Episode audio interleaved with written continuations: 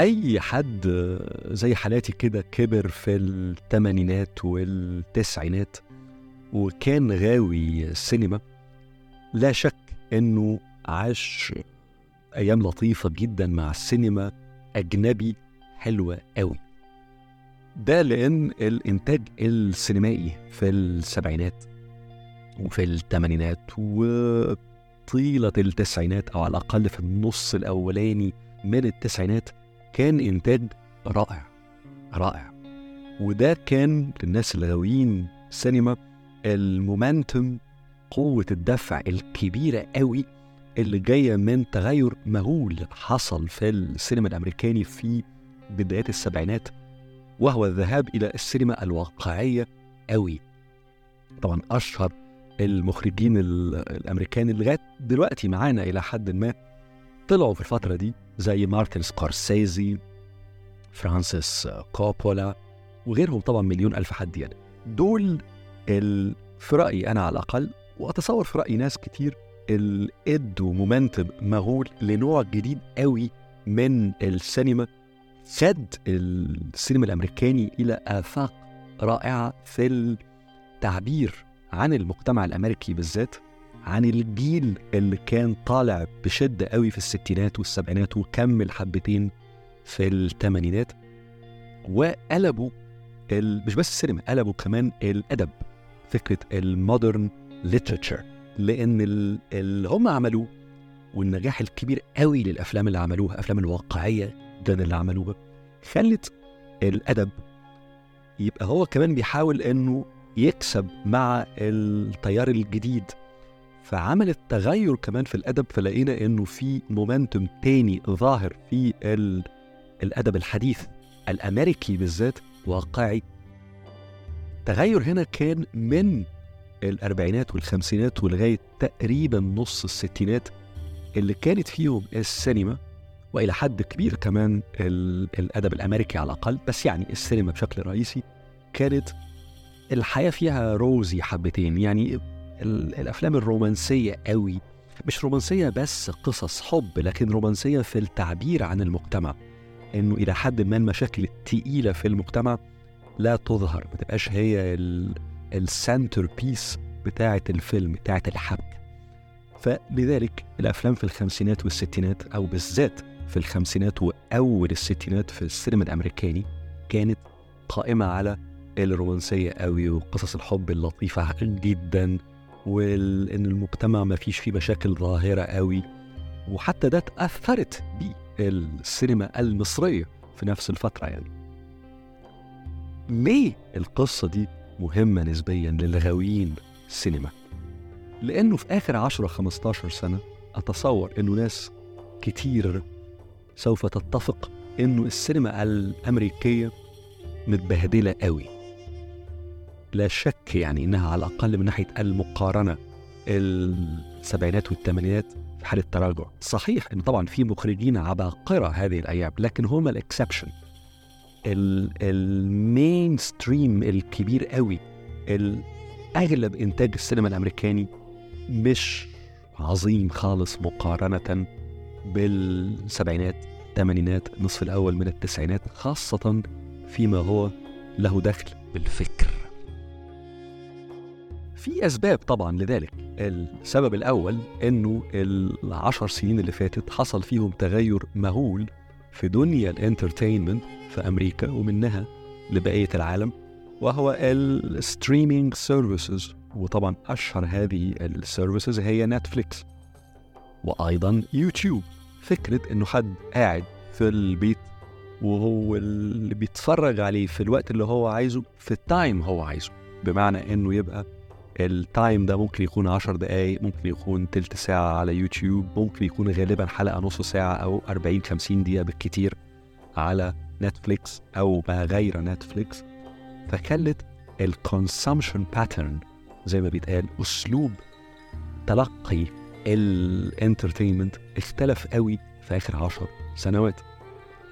الحاجة التانية إنه في formats معينة في التلفزيون زي المسلسلات الطويلة قوي زي Game of Thrones و Breaking Bad وغيرها طبعا مليون ألف حاجة تانية نجحت قوي قوي فبقت وعملت فلوس كتيرة جدا للشركات الإنتاج اللي وراها وللموزعين و و و فخلت إنه الناس اللي في دنيا السينما يبقوا عاوزين من الحب جانب. فإزاي؟ إن هم بدوا يحاولوا يقلدوا شوية التي في فورماتس اللي هي معمولة دي. فبقى في فكرة إنه ممكن تلاقي أفلام كتيرة في منها جزء أول وتاني وتالت ومعرفش إيه.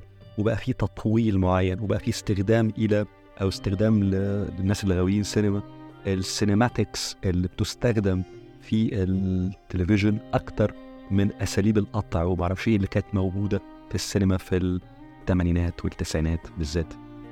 فتغير الأسلوب يعني أسلوب ال format بتاع السينما حصل فيه تغير. طبعا مما ساعد على ذلك إنه ال technology اتطورت قوي في ال 10 15 سنة اللي فاتت فبقت تخلي في مخرجين كتير عاوزين يستخدموا الحاجات المهولة الموجودة في هذه ال technology الجديدة. مع ده إنه كمان ال genres أنواع الأفلام وال television series اللي نجحت قوي بقت fragmented يعني في حاجات واقعية جدا زي Breaking Bad مثلا. لكن في حاجات كتير قوي عملت فلوس مهولة زي Game of Thrones وغيرها الكثير كانت داخلة قوي في دنيا ال fantasy ودنيا الخيال العلمي ودنيا ال historical fantasy ومزيج من genres جديدة دخلت في بعض كده. وال technology طبعا ساعدت إنه ما كان زمان fantasy صعب تصويره visually النهارده أصبح سهل قوي تصويره. visually والكلام ده قبل ال artificial intelligence قبل الذكاء الصناعي ال softwares النهارده المهولة الجديدة. فما بالك باللي هيبقى قادم في هذا المجال. لكن النقطة اللي بحاول أوصلها إنه مش بس ال TV formats نجحت قوي فأسلوب الكتابة وأسلوب تنفيذ الأفلام اختلف. ده كمان ال genres اللي بقت عليها إقبال كبير قوي. والفلوس بتاعت ال production بتجري وراها اختلفت قوي. فبقى ما زال طبعا في أفلام جد وبتكلم المجتمع وبتحاول تعبر عنه لكن الغالبية بقت ذاهبة إلى genres من اللي نجح قوي في دنيا التلفزيون. أضف إلى ذلك أنه حصل تغير ديموغرافي واضح في أمريكا برضو أثر قوي في التفكير في الإنتاج السينمائي وهو أنه بقى في generation جديد وهو ال millennials ال generation ده بقى هو اللي عنده أولا حجمه كبير في المجتمع يعني من ناحية ال numbers الأرقام في الديموغرافية الأمريكية مش قليلة. لكن اتنين ده المستهلك الأكبر لل entertainment ونمرة ثلاثة بدأ يبقى شوية فلوس فعاوز إن هو يصرف على ال entertainment بتاعته. فبقت شركات الإنتاج اللي هي شايفة تراجع كبير جدا أصلا على الأفلام لأن الناس أغلبها راحت ناحية ال television formats بقت عايزة تخلي الإنتاج اللي بتطلعه يكسب بحيث إنه يبقى بالذات targeting ال generation ده ال millennials بالذات. أهواء ال millennials طبعا هذا يعني generalization كبيرة قوي لكن في segments كبيرة قوي من ال millennials من الناس اللي هم اتولدوا في نهايات أو منتصف التسعينات وكبروا يعني في الألفينات. جزء كبير من أهوائهم بقت من الحاجات اللي هم عاوزين يشوفوها متأثرة بال formats اللي نجحت قوي في ال 10 15 سنة اللي هم كانوا بيكبروا فيهم. شيء طبيعي يعني ال formative experience التجارب التي شكلت وجدانهم كانت من هذه المسلسلات اللي نجحت قوي أو ال genres اللي نجحت قوي على التلفزيون وعلى يوتيوب وما أعرفش إيه. فبقت هي دي اللي فيه إقبال كبير عليها. فكمان أصبحت هناك مع التغير في الكتابة والتغير في التصوير والقطع وكل القصص دي في السينما والتغير في ال genres كمان أصبح في لهث وراء ال millennials بالذات. وسط كل القصة دي أي حد غاوي سينما في رأيي يستحق أو المفروض يعني مش يستحق المفروض إن هو أو إن هي يبتدي يبص على مين الناس اللي في العشر سنين أو الخمستاشر سنة اللي فاتت حاولوا إن هم يعملوا محافظة على فكر حلو في السينما. طبعا في مخرجين تقال قوي قوي دول مش محتاجين إن حد يقعد يتكلم عليهم يعني. بس في ممثلين يمكن يستحق إن أو يستحقوا إنه الواحد يفكر في شغلهم لأن شغلهم كان ذكي قوي. من هؤلاء ريتشل فايس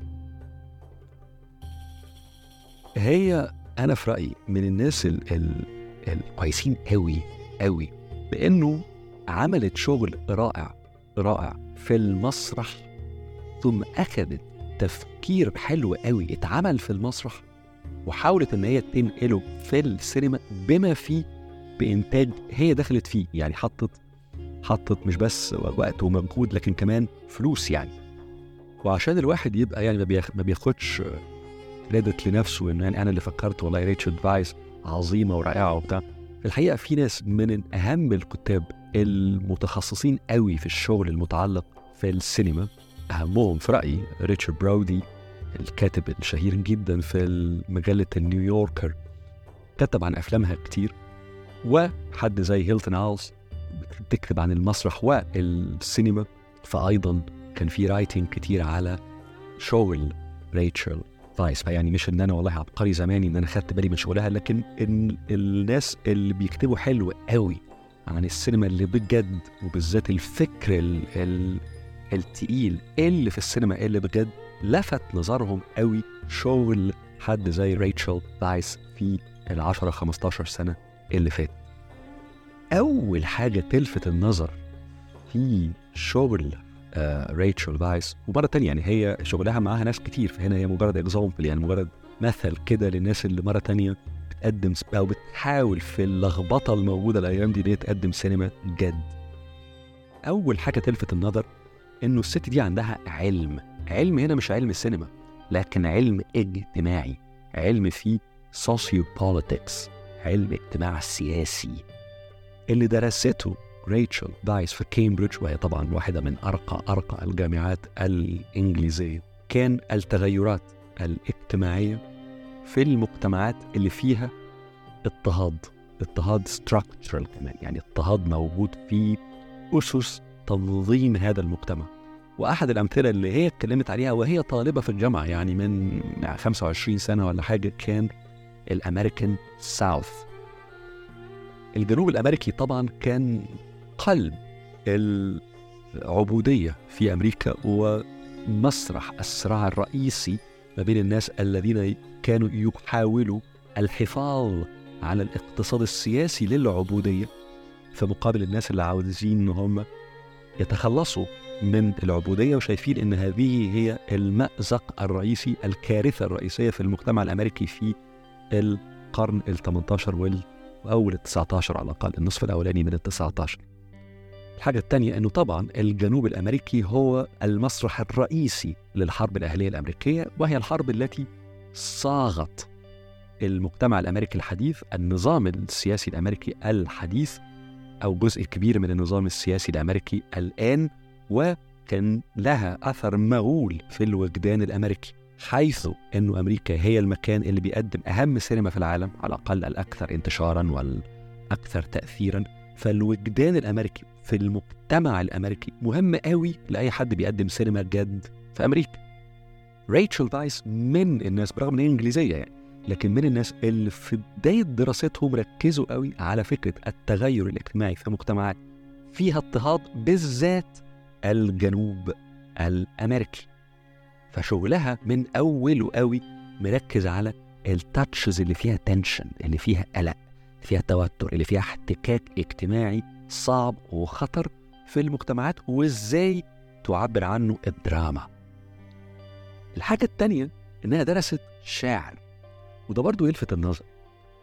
دراسة الشعر في إنجلترا شيء وبالذات في هو في أوكسفورد أكتر من كامبريدج لكن يعني حتى في كامبريدج مهم قوي لأنه الشعر الإنجليزي طبعا من اسس أسس الأدب الإنجليزي يعني أبسط مثال طبعا هو شكسبير إنه الغالبية الساحقة من شغله هو plays مكتوبة شعرا ولغاية النهارده واحد من أهم كراسي العلم في اوكسفورد هو The Chair of Poetry كرسي دراسة الشعر. اللي يهمنا هنا يعني إنه ريتشل فايس درست شعر. دي برضو تلفت النظر إنه من ناحية درست تغيرات اجتماعية تقيلة صعبة اقتصاد أو اجتماع سياسي في مجتمعات فيها اضطهاد وكلام تقيل قوي وفي نفس الوقت درست الشعر والشعر في جوهره تعبير بالجمال ربما عن أشياء بعيدة عن الجمال طبعا أيضا تعبير بالجمال عن الجمال لكن أيضا التعبير بالجمال عن حاجات ربما تكون قاسية. فهنا دراسة الشعر بتدي أي حد هيعبر بأي شيء درامي فيما بعد تديله أو بتديلها أدوات الجمال وده في رأيي من ال basics بتاعت السينما الحلوة لأنه في نهاية الأمر السينما الحلوة هي عبارة عن تعبير بالجمال بأدوات جمالية اللي هي زي الإضاءة والتصوير واللبس والديكور ومعرفش إيه اللي هو أدوات السينما. فاللي يهمنا هنا إنه هذه السيدة مرة تانية كمثال يعني لناس بتعمل سينما جد درست حاجات تقيلة أدوات حلوة وكان بداية شغلها سواء في إنجلترا ثم في أمريكا في المسرح. ودي مهمة قوي لأنه المسرح في نهاية الأمر طبعا هو ال... ال base التقيل لكل فن تعبيري. واللي بيشتغل مسرح ثم يذهب للسينما غالبا بيكون بالنسبة له السينما أسهل غالبا. لكن كمان مع ده في حالة ريتشل فايس وعلى فكرة دي بقى هنا هي تمثل ناس كتير قوي في أمريكا. في السينما الأمريكاني بالذات إنه ال background بتاعها العائلي من أوروبا من وسط أوروبا يعني أوروبا الشرقية أو وسط أوروبا وهي في حالة عائلتها هي عائلة يهودية جاية من وسط أوروبا ليه المنطقة دي مهمة؟ مهمة في الوجدان يعني الناس اللي بتفكر بالذات في التغيرات الاجتماعية والتعبير الدرامي عنها ومعرفش إيه لأن المنطقة دي منطقة مرت بكوارث سياسية مهولة أدت لتغيرات اجتماعية رهيبة وفي كتاب شهير قوي اسمه بلاد لاندز أرض الدم أو أراضي الدم. كتب عن وسط أوروبا وشرق أوروبا.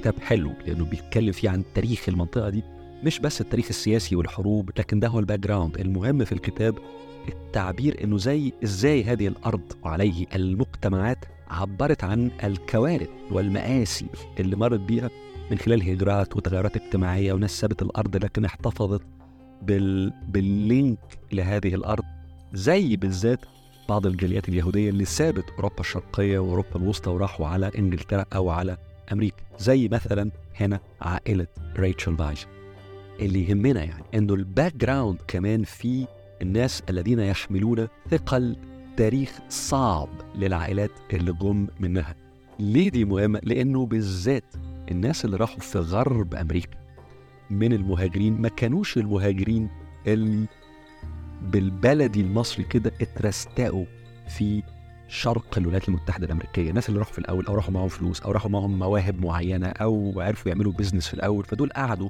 في الساحل الشرقي لأمريكا ومنهم طلعت عائلات تقيلة قوي ولذلك كان جزء كبير قوي من ال establishment الصناعية الزراعية وطبعا المالية لأمريكا في ولا زال في الساحل الشرقي. لكن الساحل الغربي بدايات الناس اللي راحته وبدت إن هي تعمل فيه صناعات جديدة كان أهمها هوليوود. صناعة السينما الأمريكية كانوا مهاجرين ما عندهمش فرص قوي في الشرق في الساحل الشرقي فذهبوا أبعد. أو مهاجرين جاءوا من أماكن كان فيها مشاكل قوي زي أوروبا الشرقية وقعدوا في الغرب. عشان ما أطولش كتير يعني اللي بحاول أقوله هنا إنه هنا واحدة زي ريتشل فايز بتبقى example مثل لفكر معين لوجدان معين موجود أو كان موجود قوي في الوقت اللي ظهرت فيه هوليوود وكبرت فيه قوي وطلعت سينما تقيلة قوي شغل ريتشل فايز في السنوات اللي فاتت شغل أنا في رأيي حلو يعني في اللي أنا شفته at least يعني أنا لفت نظري قوي فيلم جميل قوي اتعمل في 2017 2018 اسمه The Favourite وهو فيلم يدور في بلاط ملكة بريطانية في لو أنا مش غلطان القرن ال 18 والفيلم أعتقد البطلة الرئيسية فيه خدت الأوسكار بس هي مش مش أنا ناسي اسمها بس هي مش ريتشل فايس. لكن ده كان فيلم حلو قوي وفيه فكر قوي قوي كمان. عملت لعبت الدور الرئيسي في The Constant Gardener ده فيلم لجون لوكاريه والناس اللي بتشوف أو بتسمع البودكاست ده. أنا عملت حلقة قبل كده عن جون لوكاريه الكاتب الإنجليزي أو البريطاني المهم قوي في دنيا الجاسوسية في آخر 40 50 سنة وأنا في رأيي إنه كاتب ذكي جدا بغض النظر حد مهتم بال genre بتاعت الجاسوسية ولا لأ. The Constant Gardener واحد من روايات جون لوكاريه الصعبة. لأن فيها جوانب اجتماعية تقيلة يعني مش ال plot فيها الحبكة فيها. هو مش مركز يعني طبعا مركز بس يعني ال- التقل اللي فيها مش بس الموضوع اللي بيدور حول ال- ال mystery اللي في الموضوع الغموض اللي في الموضوع وحل اللغز مش دي النقطة. ما هو أبعد هو ال- الجوانب الاجتماعية اللي في الرواية. أنا مش هحرقها للي عاوز يقراها يعني. بس اللي عاوز أقوله إنه دي رواية من الروايات التقيلة قوي لجون لوكاريه هي مثلت هذه الرواية. كانت آه، برضو بطلة فيلم فيلم عجيب حبتين ناس كتير ما حبتوش. هو مش مش ألذ فيلم في الدنيا لكنه فيلم ذكي اسمه The Lobster اتعمل أعتقد برضو من سبع ثمان سنين.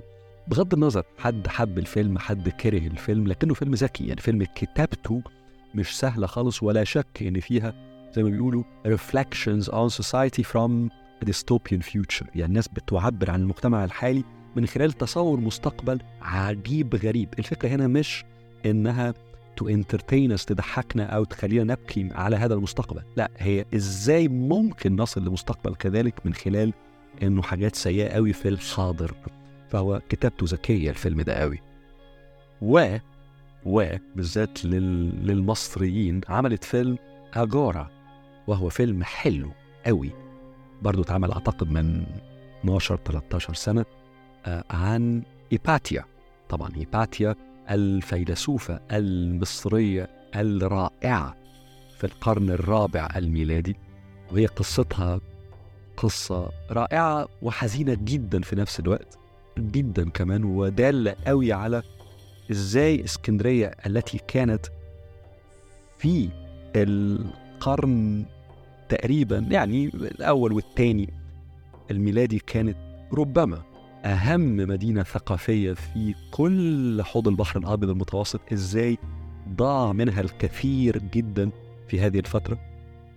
فيلم جميل برضه فيلم صعب وفيلم مش يعني فيلم تقيل لكنه أي حد عاوز يعرف حاجة عن هذه الفيلسوفة المصرية الرائعة هيباتيا يتفرج على هذا الفيلم. Agora فاللي بحاول أقوله إنه بحكم إنه الست دي ال background بتاعها في substance في تقل في فكر في دراسة جد في اهتمام حقيقي بالاجتماع السياسي بالتغيرات السياسية وفي ذكاء في تملك أساليب التعبير إنها مثال حلو للسينما الجد الحلوة في آخر 10 15 سنة. السينما بتجري ورا تعبير ذكي عن ما يحدث في المجتمع مش بتجري ورا آخر حاجة بتكسب في التلفزيون فتعالوا إن إحنا نقلدها.